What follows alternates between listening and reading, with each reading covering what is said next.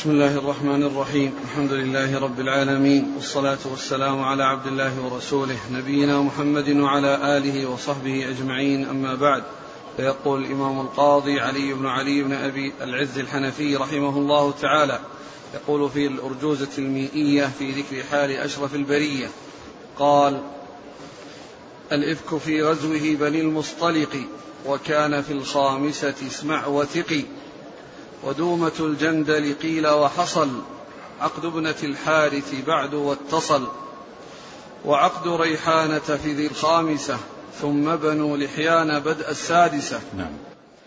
الحمد لله رب العالمين وأشهد أن لا إله إلا الله وحده لا شريك له وأشهد أن محمدا عبده ورسوله صلى الله وسلم عليه وعلى آله وأصحابه أجمعين.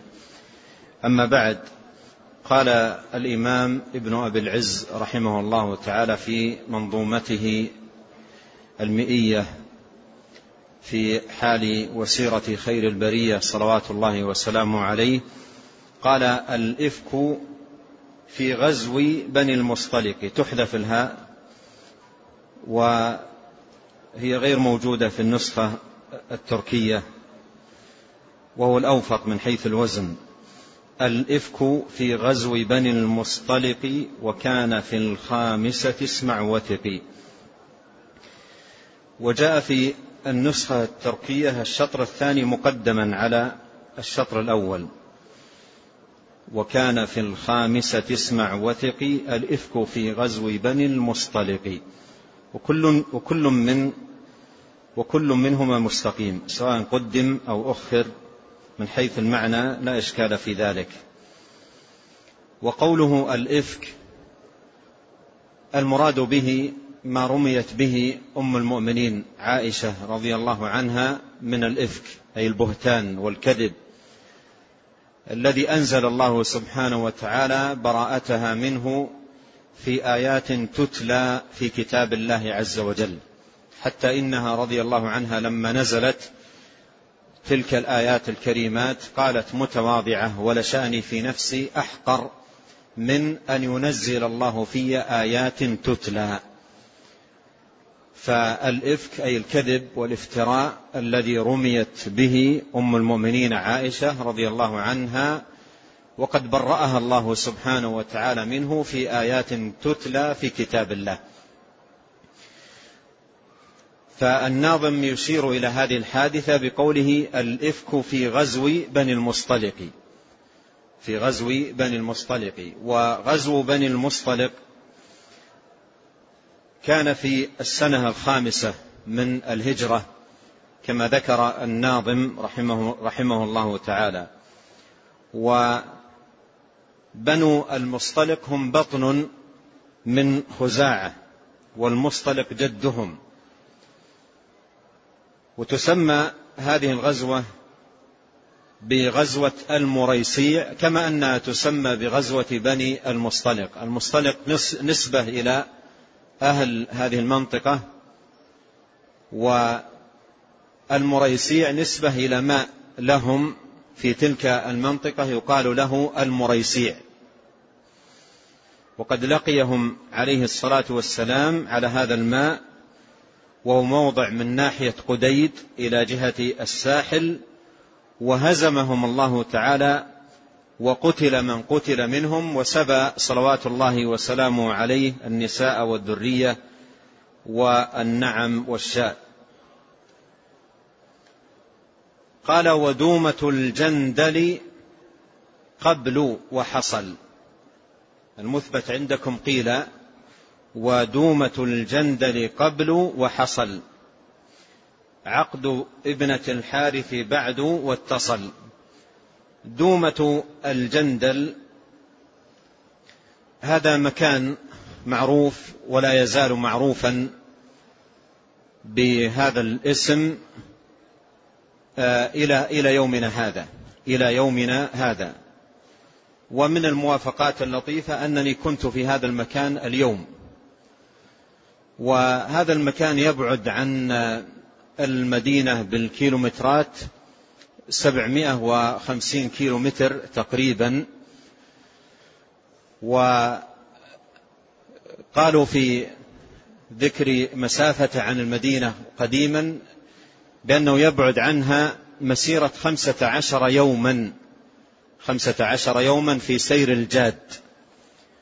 وبالكيلومترات يكون في, في, في, هذا العدد لأن مسيرة الجاد في اليوم الواحد أربعين كيلو متر تقريبا. وهي ما أيضا تسمى سابقا بالمرحلة. قال ودومة الجندل قبل. المراد بقوله قبل أي قبل غزوة بني المصطلق. لأن دومة الجندل كانت في ربيع الأول من سنة خمس للهجرة.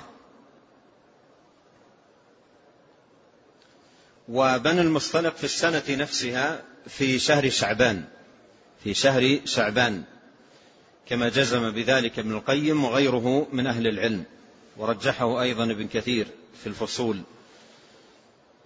فقول الناظم ودومة الجندل بضم الدال وتنطق في الوقت الحاضر بفتح الدال لكن الصواب ضمها ودومة الجندل قبل أي قبل غزوة المريسيع أو غزوة بني المصطلق. قال وحصل عقد ابنة الحارث بعد واتصل. وحصل عقد ابنة الحارث بعد واتصل.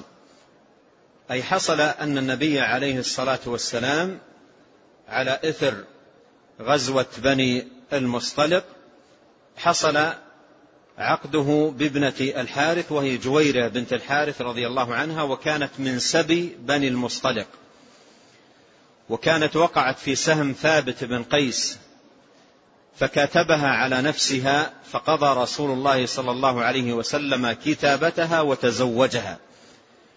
فأعتق بتزويجه إياها مئة من أهل بيت بني المصطلق إكراما لصهر رسول الله صلى الله عليه وسلم. قال رحمه الله تعالى وعقد ريحانة في ذي الخامسة. وعقد ريحانة في ذي الخامسة ريحانة بنت زيد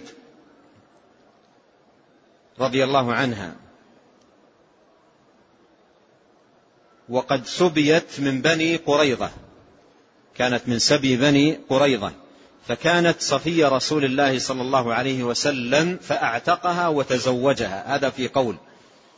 وعليه بنى الناظم رحمه الله حيث قال وعقد ريحانة. وقال الطائفة بل كانت أمته وكان يطأها بملك اليمين وكان يطأها بملك اليمين. قال ابن القيم رحمه الله تعالى في كتابه زاد المعاد وهو الأثبت عند أهل العلم. فإن المعروف أنها من سراريه وإمائه ولم تكن زوجة له. ورجح هذا النووي رحمه الله وابن كثير وغيرهما من أهل العلم. وقول الناظم رحمه الله ثم بنو لحيان بدء السادسة. يشير إلى غزوة وهي غزوة بني لحيان. كانت في جماد الأولى من السنة السادسة على الصحيح كما قال ذلكم الحافظ بن كثير رحمه الله تعالى في كتابه الفصول. وكانت هذه الغزوة ليأخذ بثار بعث الرجيع فتحصنوا في رؤوس الجبال فتركهم عليه الصلاة والسلام ورجع ولم يكن قتال. نعم. وبعده استسقاؤه وذو قرد وصد عن عمرته لما قصد. قال رحمه الله تعالى وبعده أي بعد ذلك استسقاؤه استسقاؤه. قال ابن القيم رحمه الله تعالى في كتابه ذكر رحمه الله في كتابه الزاد أن النبي عليه الصلاة والسلام استسقى في بعض غزواته. استسقى في بعض غزواته مع المشركين من غير تعيين. فقال إنه عليه الصلاة والسلام استسقى في بعض غزواته لما سبقه المشركون إلى الماء. فأصاب المسلمين العطش فشكوا إلى رسول الله صلى الله عليه وسلم وقال بعض المنافقين لو كان نبيا لاستسقى لقومه كما استسقى موسى لقومه. فبلغ ذلك النبي صلى الله عليه وسلم فقال أو قد قالوها عسى ربكم أن يسقيكم. ثم بسط يديه ودعا. فما رد يديه صلى الله عليه وسلم من دعائه حتى أظلهم السحاب وأمطروا. فأفعم السيل الوادي فشرب الناس فارتووا. والحديث رواه أبو عوانة في صحيح عن عائشة بنت سعد بن أبي وقاص عن أبيها. وقول الناظم رحمه الله وذو قرد يعني غزوة ذي قرد وكانت بعد غزوة بني لحيان بليال. قال الحافظ بن كثير رحمه الله في كتابه الفصول ثم أغار بعد قدومه المدينة بليال عيينة بن حصن في بني عبد الله بن غطفان على لقاح على لقاح النبي صلى الله عليه وسلم واللقاح جمع لقحة وهي الإبل ذات الدر واللبن.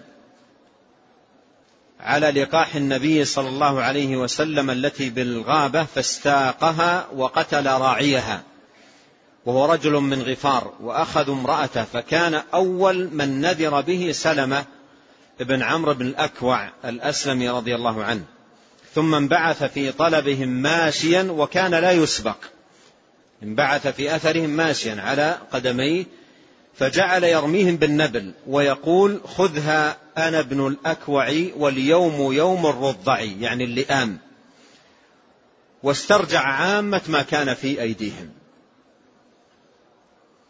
ولما وقع الصريخ في المدينة خرج رسول الله صلى الله عليه وسلم في جماعة من الفرسان فلحقوا سلمة بن الأكوع واسترجعوا اللقاح. وقوله رحمه الله وصد عن عمرته لما قصد يعني في غزوة الحديبية. لما قصد عليه الصلاة والسلام مكة معتمرا وكان ذلك في السنة السادسة من الهجرة. خرج عليه الصلاة والسلام في ألف ونيف من أصحابه رضي الله عنهم وأرضاهم. ولم يتيسر لهم العمرة في تلك السفرة وتصالحوا مع قريش على شروط ويكون الاعتمار من عام من العام القابل. ولم يعتمر صلوات الله وسلامه عليه في تلك الغزوة. وكانت هذه الهدنة التي بينه وبين المشركين تعد من الفتوح العظيمة. كما قال ذلك ابن مسعود رضي الله عنه وغيره. نعم. وبيعة الرضوان أول وبنى فيها بريحانة هذا بينا. قال وبيعة الرضوان. أول وبنى. وبيعة الرضوان أول وبنى. بيعة الرضوان أول يعني قبل الصلح صلح الحديبية. لأن النبي عليه الصلاة والسلام لما بعث عثمان إلى مكة للتفاوض مع المشركين في أمر عمرته صلى الله عليه وسلم ونقل إلى المسلمين أن عثمان رضي الله عنه قتل. فبايع النبي عليه الصلاة والسلام الصحابة الكرام على القتال. بايعهم على القتال وتسمى تلك البيعة بيعة الرضوان. وفيها نزل قول الله تعالى لقد رضي الله عن المؤمنين إذ يبايعونك تحت الشجرة. فكانت هذه البيعة بيع بيعة الرضوان تمت قبل الصلح صلح الحديبية. ولهذا قال الناظم وبيعة الرضوان أول أي قبل صلح الحديبية. وبنى فيها أي تلك السنة بريحانة. هذا بين. قوله وبنى فيها بريحانة يعني بنى النبي صلى الله عليه وسلم بريحانة التي سبق ذكرها وذكر تحقيق ابن القيم رحمه الله أنها من إمائه ولم تكن زوجة له صلوات الله وسلامه عليه. قال هذا بين أو بين أي في النصوص التي وردت في هذا الباب. نعم. وفرض الحج بخلف فاسمعه وكان فتح خيبر في السابعة. قال وفرض الحج بخلف فاسمعه فرض الحج بخلف فاسمع أي في السنة السادسة. فرض في السادسة بخلف أي في خلاف في هذه المسألة. قال الحافظ بن كثير رحمه الله وكان فرض الحج في السنة, في السنة السادسة في قول بعض العلماء وفي التاسعة في قول آخرين منهم وقيل سنة عشر وهو غريب وأغرب منه ما حكاه إمام الحرمين في النهاية وجها لبعض الأصحاب أن فرض الحج كان قبل الهجرة.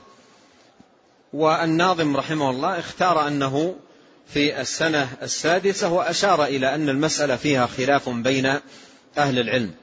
قال وفرض الحج بخلف فاسمعه وكان فتح خيبر في السابعة. وكان فتح خيبر وكان فتح خيبر نعم في السابعة في السنة السابعة من هجرة النبي صلى الله عليه وسلم وهذا في قول جمهور أهل العلم.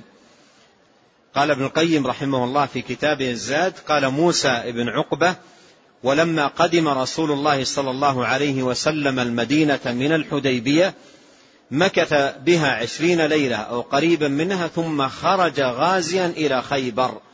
وكان الله عز وجل وعده إياها وهو بالحديبية. وقال مالك كان فتح خيبر في السنة السادسة والجمهور على أنه في السابعة. والناظم رحمه الله اختار قول الجمهور أن فتح خيبر كان في السنة السابعة من الهجرة. نعم.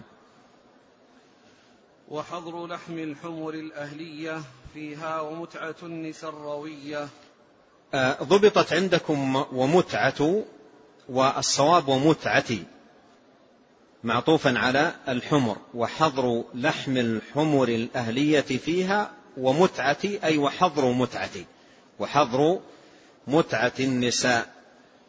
وقوله الروية هكذا في النسخة الأولى نسخة الظاهرية. وهو كلام غير واضح المعنى لكن في النسخة التركية جاءت اللفظة الردية وبهذا يتضح المعنى. ويكون هذا هو الصواب الذي يثبت وحظر لحم الحمر الأهلية فيها ومتعة النساء الردية ومتعة النساء الردية. أي في السنة السابعة من الهجرة جاء تحريم أكل, لحم أكل لحم الحمر الأهلية وجاء أيضا تحريم المتعة متعة النساء. وكان ذلك يوم فتح خيبر. وقد ورد في ذلك أحاديث منها ما جاء في الصحيحين عن علي بن أبي طالب رضي الله عنه أن النبي صلى الله عليه وسلم نهى عن نكاح المتعة يوم خيبر وعن لحوم الحمر الأهلية.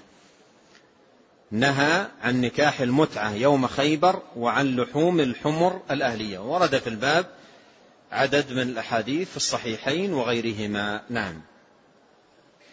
ثم على أم حبيبة عقد ومهرها عند النجاشي نقد هكذا جاء لفظ اللفظ في النسخة الظاهرية عند لكن في النسخة التركية جاءت عنه وهو أضبط وأولى. وبهذا أيضا يتغير ضبط النظم ويكون ثم على أم حبيبة عقد ومهرها عنه النجاشي نقد ثم على أم حبيبة عقد ومهرها عنه أي عن النبي صلى الله عليه وسلم النجاشي نقد قال ابن القيم رحمه الله في زاد المعاد ثم تزوج ام حبيبة واسمها رملة بنت أبي سفيان وقيل اسمها هند تزوجها وهي ببلاد الحبشة مهاجرة وأصدقها عنه النجاشي. وأصدقها عنه النجاشي أي أن النجاشي هو الذي دفع مهرها عن النبي صلى الله عليه وسلم. نعم. وسم في شاة بها هدية ثم اصطفى صفية صفية. قوله وسم أي النبي صلوات الله وسلامه عليه في شاة أي وضع السم في شاة بها أي السنة السابعة من الهجرة هدية. يعني شاة أو جزء من شاة أهدته آه، للنبي عليه الصلاة والسلام امرأة يهودية ووضعت للنبي صلى الله عليه وسلم فيها السم. والحديث بذلك في الصحيحين من حديث أنس بن مالك رضي الله عنه ومن حديث غيره. وكان ذلك لما فتحت خيبر في السنة السابعة من الهجرة. وقوله ثم اصطفى صفية صفية. اصطفى أي النبي صلى الله عليه وسلم صفية يعني زوجا له عليه الصلاة والسلام. وصفية هي بنت حيي رضي الله عنها وكان إثر فتح خيبر وكانت من جملة السبايا وكانت من جملة السبايا. والحديث بذلك مخرج في الصحيحين من حديث أنس بن مالك رضي الله عنه. اعتقها النبي عليه الصلاة والسلام وتزوجها صلى الله عليه وسلم. حتى إذا كان بالطريق جهزتها له أم سليم بالطريق وهو عائد من خيبر فأهدتها له من الليل فأصبح النبي صلى الله عليه وسلم عروسا أي بها فقال من كان عنده شيء فليجيء به وبسط نطعا فجعل الرجل يجيء بالتمر وجعل الرجل يجيء بالسمن وقال وأحسبه قد ذكر السويق قال فحاسوا حيسا فكانت وليمة رسول الله. صلوات الله وسلامه عليه. نعم. ثم أتت ومن بقي مهاجرا وعقد ميمونة كان الآخرا. قوله ثم أتت يظهر الله أعلم أنه يقصد صفية. أتت أي إلى المدينة ومن بقي مهاجرا أي وأتى إلى المدينة من بقي مهاجرا. وأتى إلى المدينة من بقي مهاجرا أي يشير رحمه الله إلى من كانوا بالحبشة أنهم بعد فتح خيبر أتوا إلى المدينة مهاجرين إليها ففازوا بالهجرتين الهجرة إلى الحبشة ثم بعد ذلك الهجرة إلى المدينة. قال وعقد ميمونة كان الآخرة. وعقد ميمونة زوج النبي صلى الله عليه وسلم كان الآخرة. قال, قال ابن القيم رحمه الله ثم تزوج صلى الله عليه وسلم ميمونة بنت الحارث الهلالية وهي آخر من تزوج بها. وهي آخر من تزوج بها. وهذا معنى قول الناظم رحمه الله وعقد ميمونة كان الآخرة أي أنها هي آخر من تزوج بها صلوات الله وسلامه عليه. قال ابن القيم تزوجها بمكة في عمرة القضاء بعد أن حل منها على الصحيح. نعم. وقبل إسلام أبي هريرة وبعد عمرة القضاء الشهيرة. وقبل أي قبل ذلك كان إسلام أبي هريرة لأن إسلام أبي هريرة رضي الله عنه كان عام خيبر وجاء إلى النبي عليه الصلاة والسلام ولم يشهد الغزو على الصحيح. وبعد عمرة القضاء الشهيرة أي بعد ذلك كانت عمرة القضاء يعني بعد غزوة خيبر خرج النبي عليه الصلاة والسلام إلى عمرة القضاء التي كان قد صده عنها المشركون. نعم. والرسل في محرم المحرم أرسلهم إلى الملوك فاعلمي قال رحمه الله تعالى والرسل مفعول أرسلهم والرسل في محرم المحرم أرسلهم إلى الملوك فاعلمي أي لما رجع عليه الصلاة والسلام من الحديبية كاتب آه، الملوك وأرسل إليهم رسل فكتب إلى ملك الروم وإلى غيره وبعث عددا من أصحابه كل منهم بكتاب إلى ملك من الملوك فبعث عمرو بن أمية الضمري إلى النجاشي ودحية الكلبي إلى قيصر ملك الروم.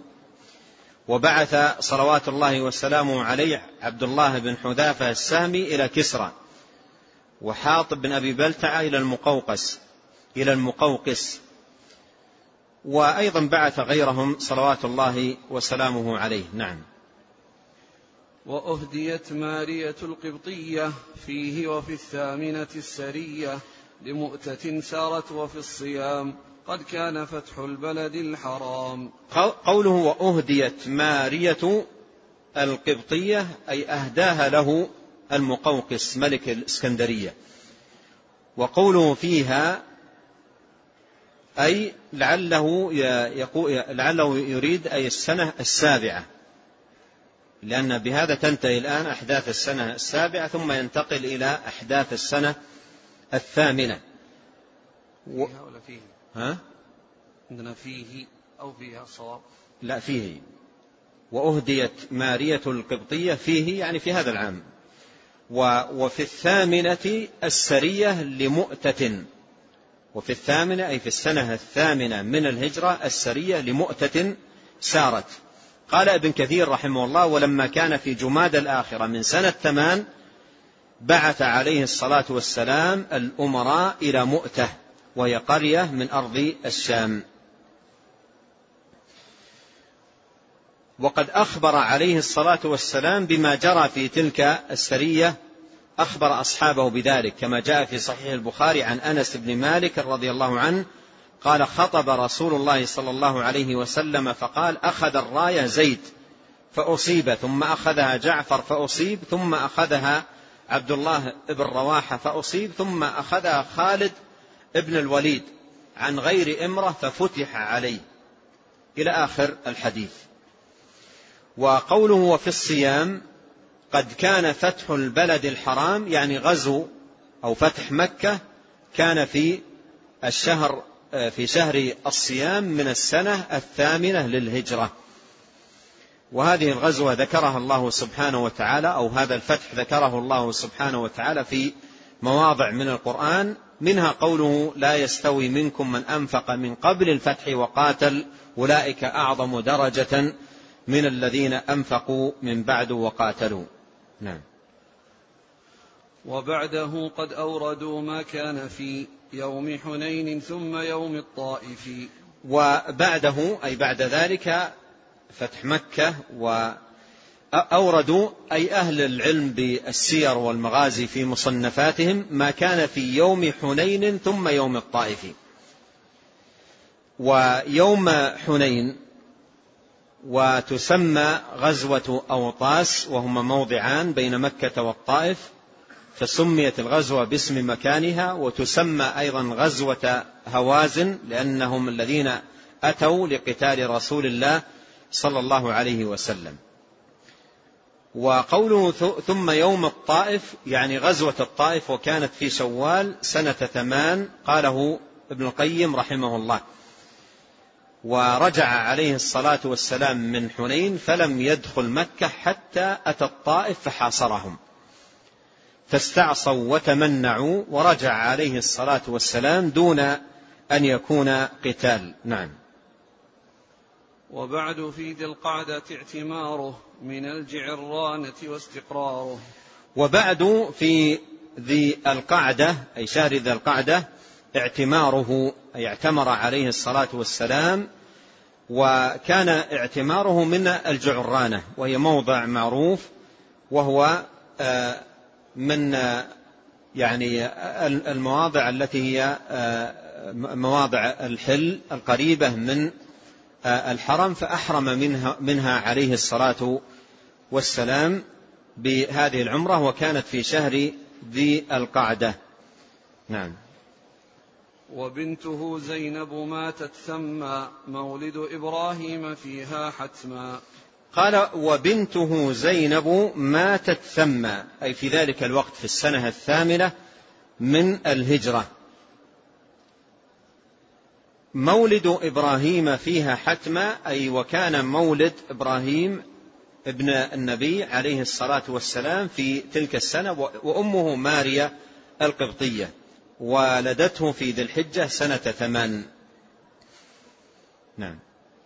ووهبت نوبتها لعائشة سودة ما دامت زمانا عائشة. ذكر في هذا البيت أن أم المؤمنين سودة رضي الله عنها وهبت آه، يومها وليلتها لأم المؤمنين عائشة رضي الله عنها طلبا لرضا النبي صلى الله عليه وسلم والبقاء معه صلوات الله وسلامه عليه. وقد روى الإمام الترمذي من حديث ابن عباس رضي الله عنهما قال خشيت سودة أن يطلقها النبي عليه الصلاة والسلام فقالت لا تطلقني وأمسكني واجعل يومي لعائشة ففعل. فنزلت فلا جناح عليهما أن يصلحا بينهما صلحا والصلح خير. قال أبو عيسى الترمذي هذا حديث حسن غريب وحسن إسناده الحافظ بن حجر في كتابه الإصابة. نعم. وعمل المنبر غير مختفي وحج عتاب بأهل الموقف. بإثبات الياء في مختفي في النسختين. وعمل المنبر غير مختفي. عمل المنبر أي المنبر الذي كان يخطب عليه النبي صلى الله عليه وسلم غير مختفي أي ظاهر في مكان بين آه، في المسجد. جاء في صحيح البخاري عن جابر بن عبد الله رضي الله عنهما أن امرأة من الأنصار قالت لرسول الله صلى الله عليه وسلم يا رسول الله ألا أجعل لك شيئا تقعد عليه؟ فإن لي غلاما نجارا. قال إن شئت قال فعملت له المنبر. فلما كان يوم الجمعة قعد النبي صلى الله عليه وسلم على المنبر الذي صنع.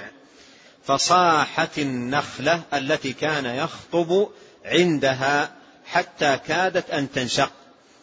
فنزل النبي صلى الله عليه وسلم حتى أخذها فضمها إليه فجعلت تئن أنين الصبي الذي يسكت حتى استقرت. قال بكت على ما كانت تسمع من الذكر. بكت على ما كانت تسمع من الذكر. فهذا جذع نخلة. فيه هذا الحنين للنبي الكريم عليه الصلاة والسلام والحنين إلى سماع ذكره العظيم صلوات الله وسلامه وبركاته عليه. قال وحج عتاب بأهل الموقف عتاب بن أسيد رضي الله عنه. قال ابن حجر في الإصابة أسلم يوم الفتح واستعمله النبي صلى الله عليه وسلم على مكة لما سار إلى حنين واستمر وقيل إنما استعمله بعد أن رجع من الطائف وحج بالناس سنة الفتح. قال ابن كثير رحمه الله فكان أول من حج بالناس من أمراء المسلمين وكان أول من حج بالناس من أمراء المسلمين لأن النبي عليه الصلاة والسلام استعمله يوم الفتح على مكة. نعم. ثم تبوك قد غزا في التاسعة وهد مسجد الضرار رافعة. قوله وهد مسجد الضرار رافعة هكذا في النسخة آه الظاهرية. وفي النسخة التركية واقعة. وهد مسجد الضرار واقعة. قوله ثم تبوك ثم تبوك غزا في التاسعة أي أن النبي عليه الصلاة والسلام في هذه السنة السنة التاسعة من الهجرة غزا تبوك. قال الحافظ بن كثير في الفصول ولما أنزل الله عز وجل على رسوله قاتلوا الذين لا يؤمنون بالله ولا باليوم الآخر ولا يحرمون ما حرم الله ورسوله ولا يدينون دين الحق من الذين أوتوا الكتاب حتى, حتى يعطوا الجزية عن يد وهم صاغرون. ندب رسول الله صلى الله رسول الله صلى الله عليه وسلم أهل المدينة ومن حولهم من الأعراب إلى الجهاد وأعلمهم بغزو الروم وذلك في رجب من سنة تسع. وكان لا يريد غزوة إلا ورى بغيرها إلا غزوته هذه فإنه صرح لهم بها ليتأهبوا لشدة عدوهم وكثرته. وذلك حين طابت الثمار وكان ذلك في سنة مجدبة فتأهب المسلمون إلى ذلك. وقوله وهد مسجد الضرار أي لما رجع عليه الصلاة والسلام من تبوك. لما رجع عليه الصلاة والسلام من تبوك. وقوله رافعة أو واقعة تحرر. نعم. وحج بالناس أبو بكر وثم تلا براءة علي وحتم ألا يحج مشرك بعد ولا يطوف عار ذا بأمر فعلا. قال وحج بالناس أبو بكر وثم تلا براءة علي وحتم.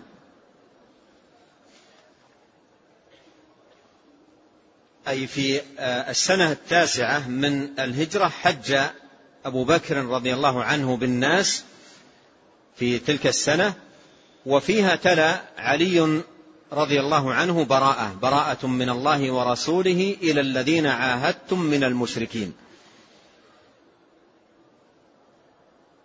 ونص البراءة ألا يحج مشرك بعد ولا يطوف عار ببيت الله الحرام.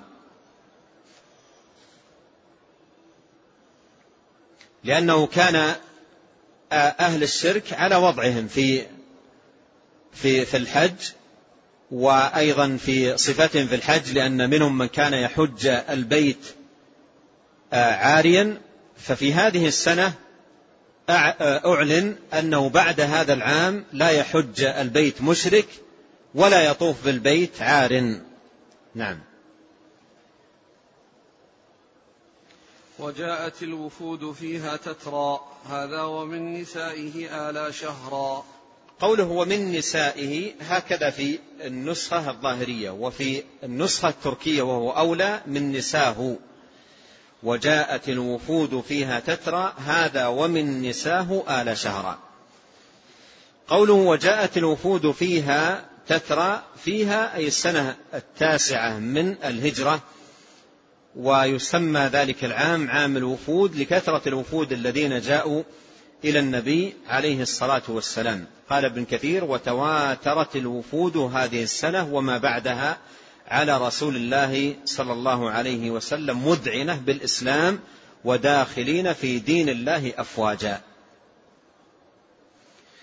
وقوله وهذا ومن نساه آل شهر أي كما جاء في الصحيحين عن أم سلمة رضي الله عنها أن النبي صلى الله عليه وسلم آل من نسائه شهرا. فلما مضى تسعة وعشرون يوما غدا أو راح فقيل له إنك حلفت ألا تدخل شهرا. فقال إن الشهر يكون تسعة وعشرين يوما. ومعنى آل من نسائه أي حلف عليه الصلاة والسلام ألا يدخل عليهن شهرا كاملا. نعم. ثم النجاشي نعى وصلى عليه من طيبة نال الفضل. قال رحمه الله تعالى ثم النجاشي نعى. أي النبي عليه الصلاة والسلام نعى النجاشي أخبر أصحابه آه، رضي الله عنهم وأرضاهم بوفاة النجاشي. ثم النجاشي نعى وصلى عليه من طيبة. ثم وصلى عليه. من طيبة نال الفضل. أي أن النبي عليه الصلاة والسلام في طيبة الطيبة صلى على النجاشي فنال هذا الفضل من المدينة حيث إن النبي عليه الصلاة والسلام صلى عليه فيها وخلفه أصحاب أصحابه رضي الله عنهم وأرضاهم.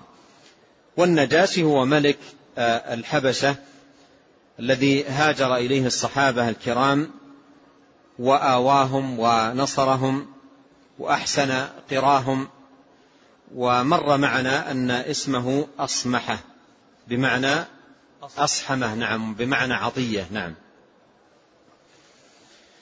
ومات إبراهيم في العام الأخير والبجلي أسلم واسمه جرير. قال ومات إبراهيم في العام الأخير. ومات إبراهيم في العام الأخير أي العام العاشر من آه، الهجرة. قال ابن حجر في الإصابة إبراهيم ابن سيد البشر محمد بن عبد الله. أمه مارية القبطية. ولدته في ذي الحجة سنة ثمان ومات سنة عشر. وقوله والبجلي بسكون الياء مراعاة للوزن والبجلي أسلم واسمه جرير. أي جرير بن عبد الله البجلي الصحابي الجليل كان إسلامه في هذه السنة.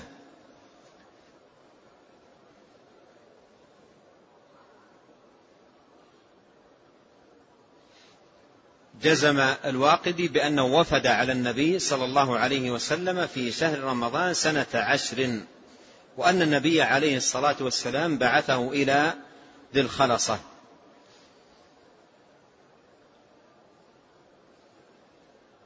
نعم. وحج حجة الوداع قارنا ووقف الجمعة فيها آمنا. وحج النبي عليه الصلاة والسلام في هذا العام العام الأخير العام العاشر من الهجرة حجة الوداع. وسميت هذه الحجة حجة الوداع لأنه عليه الصلاة والسلام ودع فيها أصحابه. وقال لهم فيها لعلي لا ألقاكم بعد عام هذا فسميت هذه الحجة حجة الوداع وكان حجه عليه الصلاة والسلام قارنا على الصحيح من أقوال أهل العلم. ومعنى قارنا أي أنه قرن بين الحج والعمرة لبى بالحج والعمرة معا وساق عليه الصلاة والسلام هديه. ووقف الجمعة فيها آمنة أي أن الوقفة في تلك السنة كانت يوم الجمعة.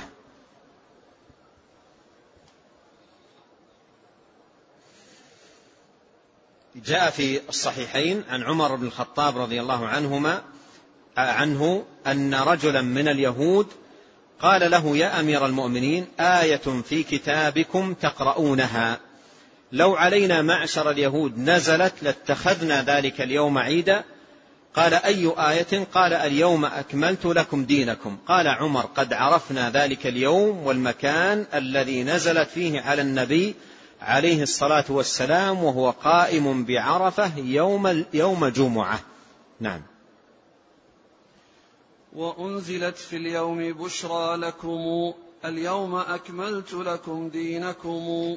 أي في ذلك اليوم عشية عرفة نزلت هذه الآية الكريمة اليوم أكملت لكم دينكم وأتممت عليكم نعمتي ورضيت لكم الإسلام دينا كما جاء في حديث عمر بن الخطاب المخرج في الصحيحين المتقدم الإشارة إليه. نعم. وموت ريحانة بعد عوده والتسع عشن مدة من بعده. قوله وموت ريحانة بعد عوده أي بعد عود النبي عليه الصلاة والسلام كان وفاتها في ذلك الوقت بعد عود النبي عليه الصلاة والسلام من الحج. وسبق أن ريحانة كانت مما أفاء الله عليه من سبايا بني قريظة. وأيضا مر قول ابن القيم أن المعروف أنها من سراريه وإمائه وليست زوجة له صلوات الله وسلامه عليه. وقد قال الحافظ بن حجر في الإصابة وماتت قبل وفاة رسول الله صلى الله عليه وسلم بستة آه آه، بستة عشر شهرا وقيل لما رجع من حجة الوداع. وقيل لما رجع من حجة الوداع وهذا هو الذي اختاره الناظم رحمه الله. نعم. والتسع.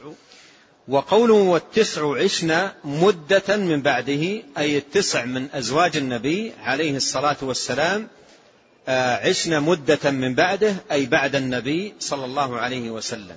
قال ابن القيم رحمه الله في كتابه الزاد ولا خلاف أنه صلى الله عليه وسلم توفي عن تسع وكان يقسم منهن لثمان أي عدا سودة هي زوجة له آه، صلوات الله وسلامه عليه ولكنها وهبت كما مر معنا آه، يومها لعائشة رضي الله عنها.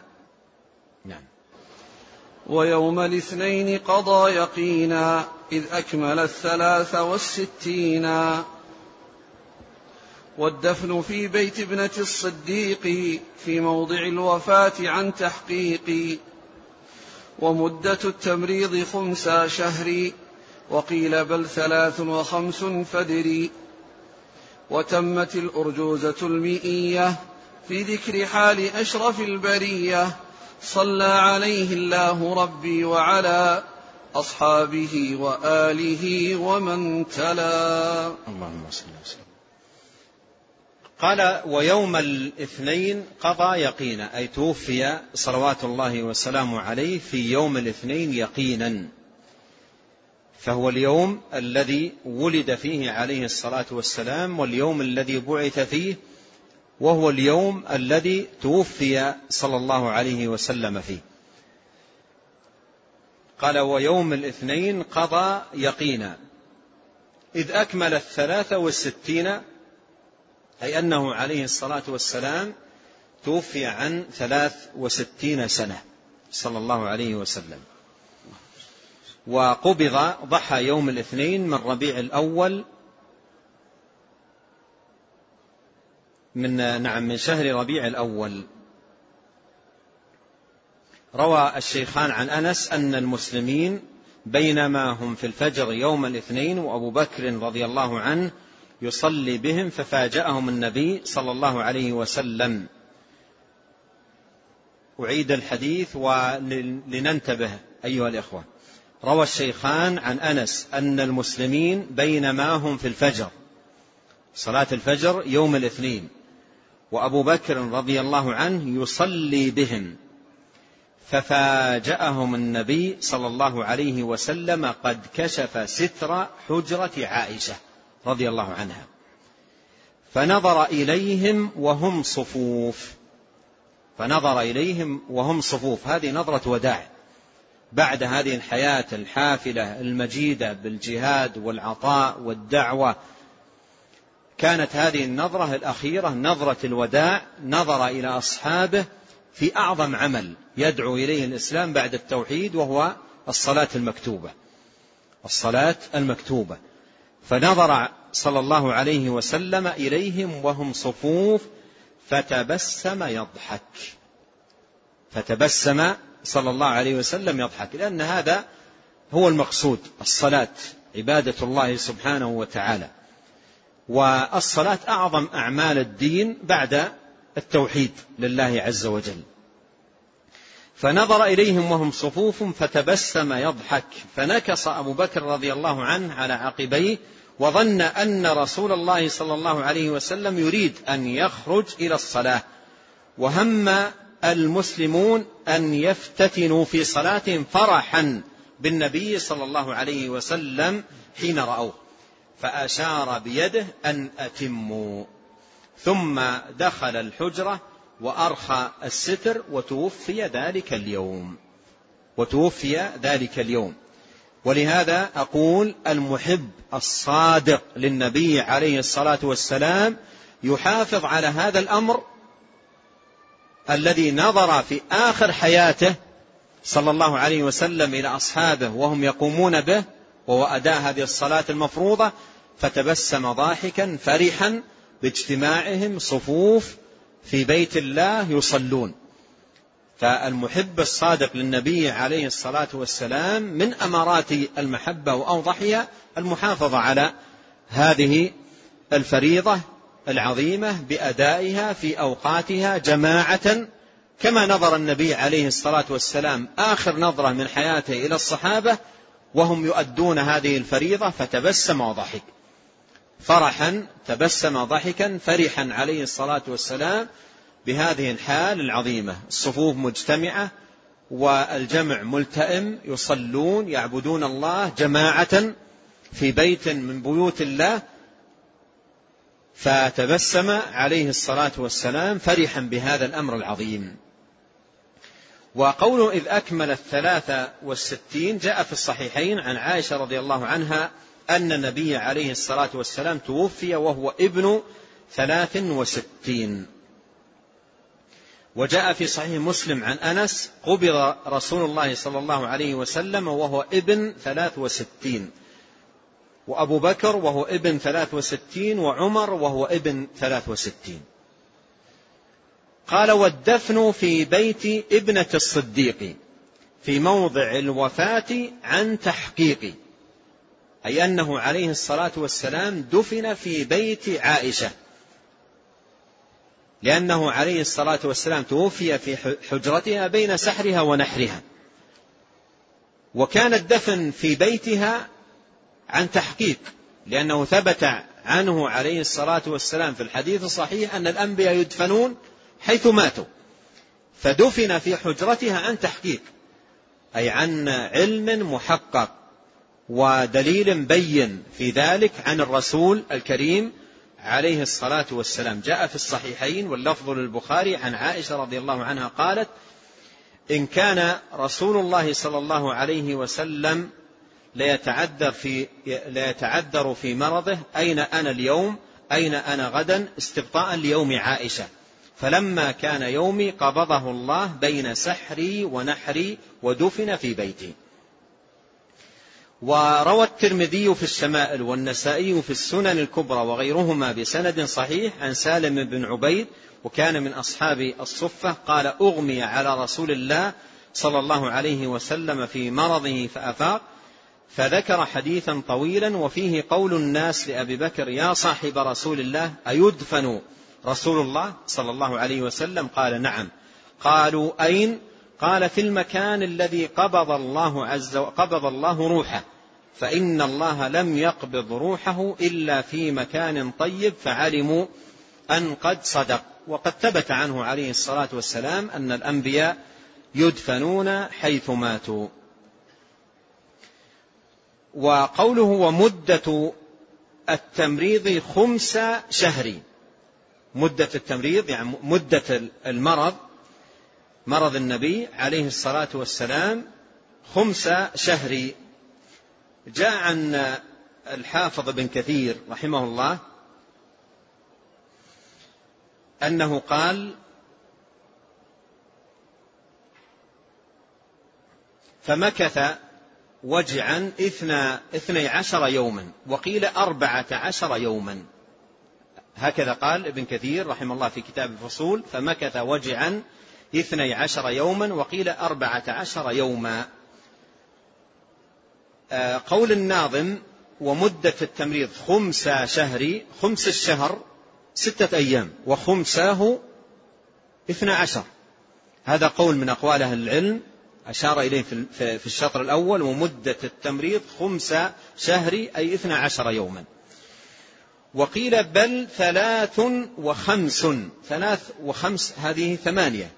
ولم يذكر يعني في آه، هذه المدة والذي ذكر أربعة عشر يوما.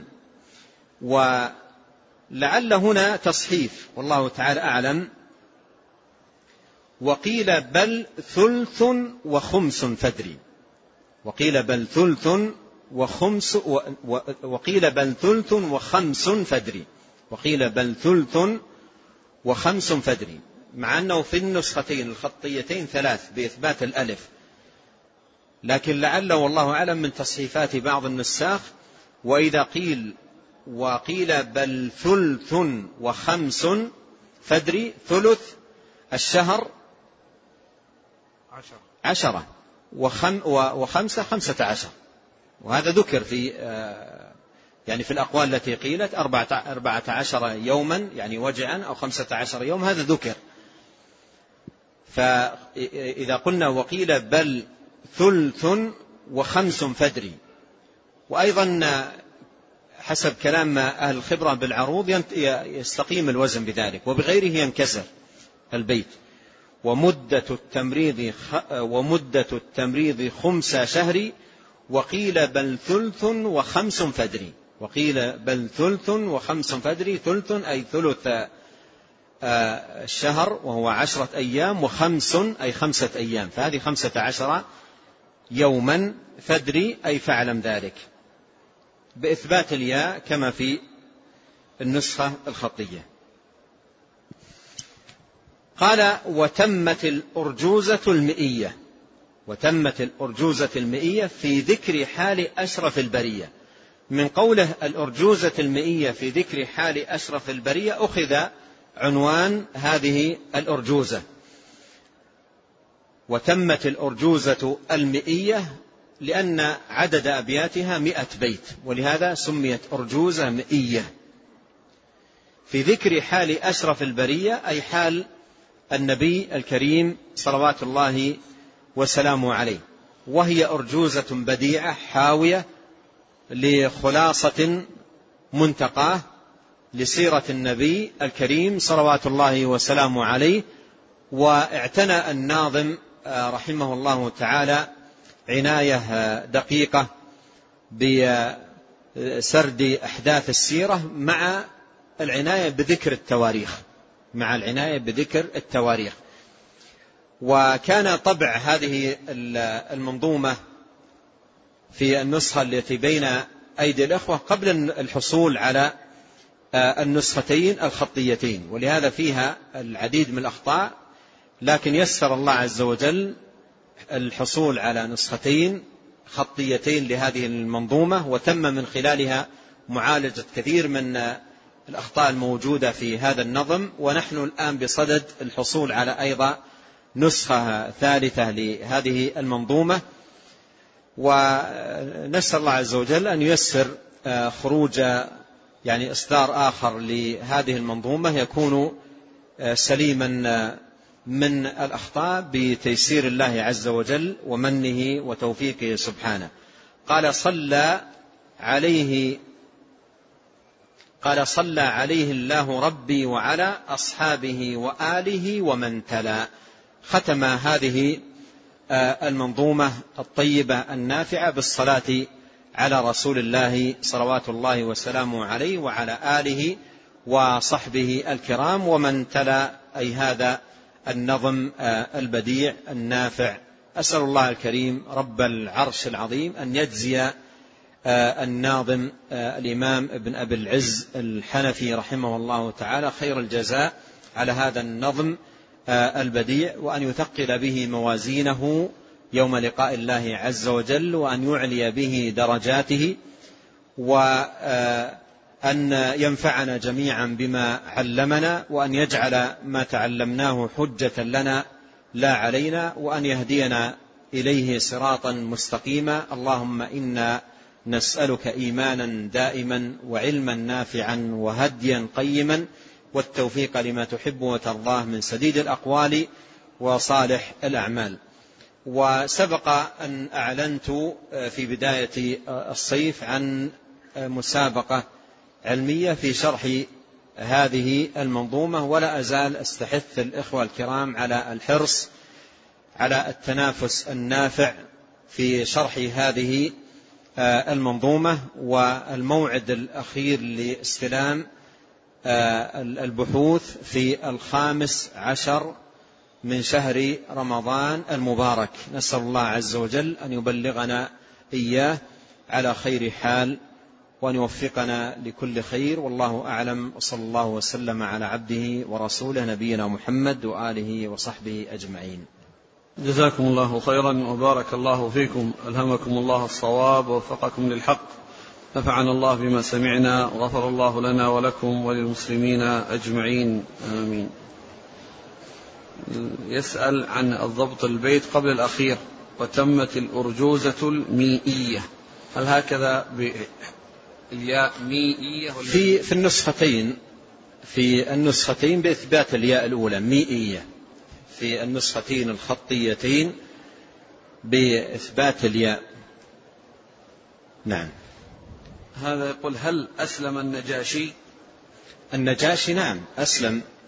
والنبي عليه الصلاة والسلام صلى عليه ونعى آه، وذكر وفاته صلى الله عليه وسلم لأصحابه وإسلامه كان أيضا في وقت مبكر.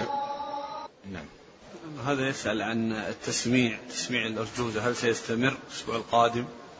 لا هو التسميع مصاحب للشرح فكان آخر يعني وقت للتسميع هو هذا اليوم. إلى ما قبل صلاة المغرب من هذا اليوم والحفظ مستمر. من أراد أن يحفظ نسأل الله أن يعينه وأن يقويه. لكن التسميع ينتهي بهذا اليوم. نعم. يقول آه، ذكر الناظم أن آخر زوجات النبي صلى الله عليه وسلم كانت ميمونة. مع أن بعدها مارية. مارية القبطية ليست من زوجات النبي صلى الله عليه وسلم وهذا سبق بيانه. نعم.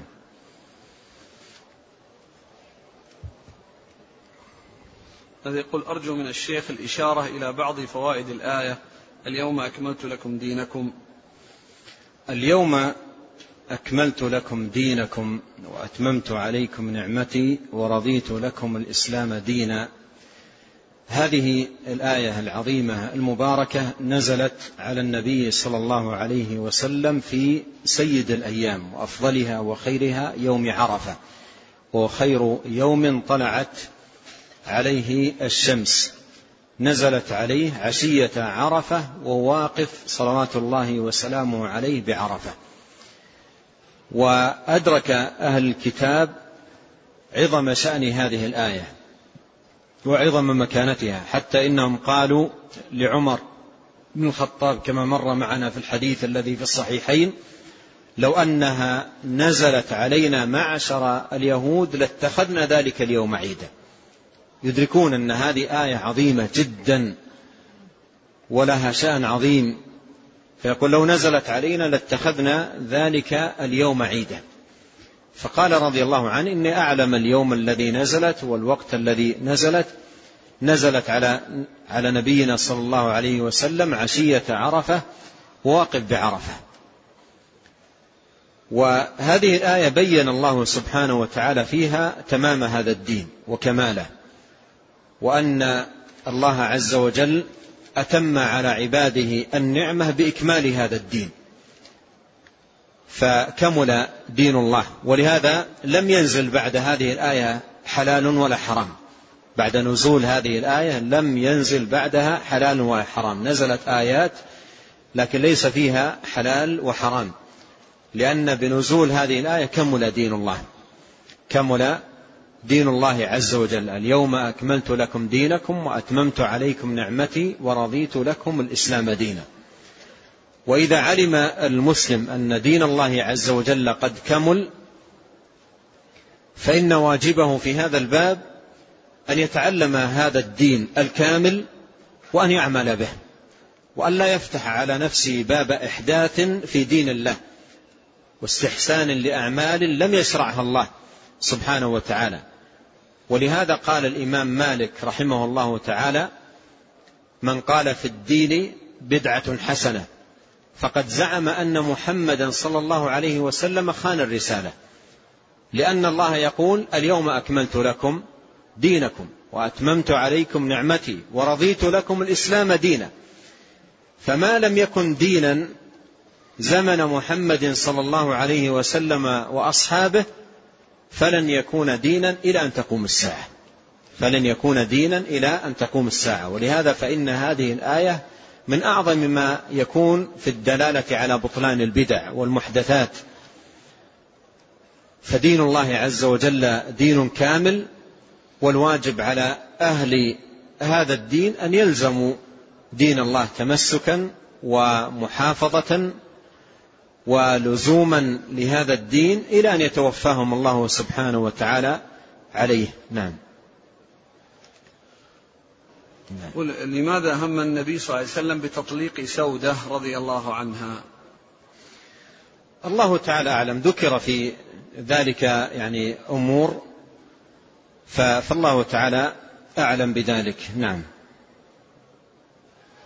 يقول آه، مات أبي وأمي قبل أن يحجا ولقد قمت بعمرة في العام الماضي فهل أعتمر عن أحدهما؟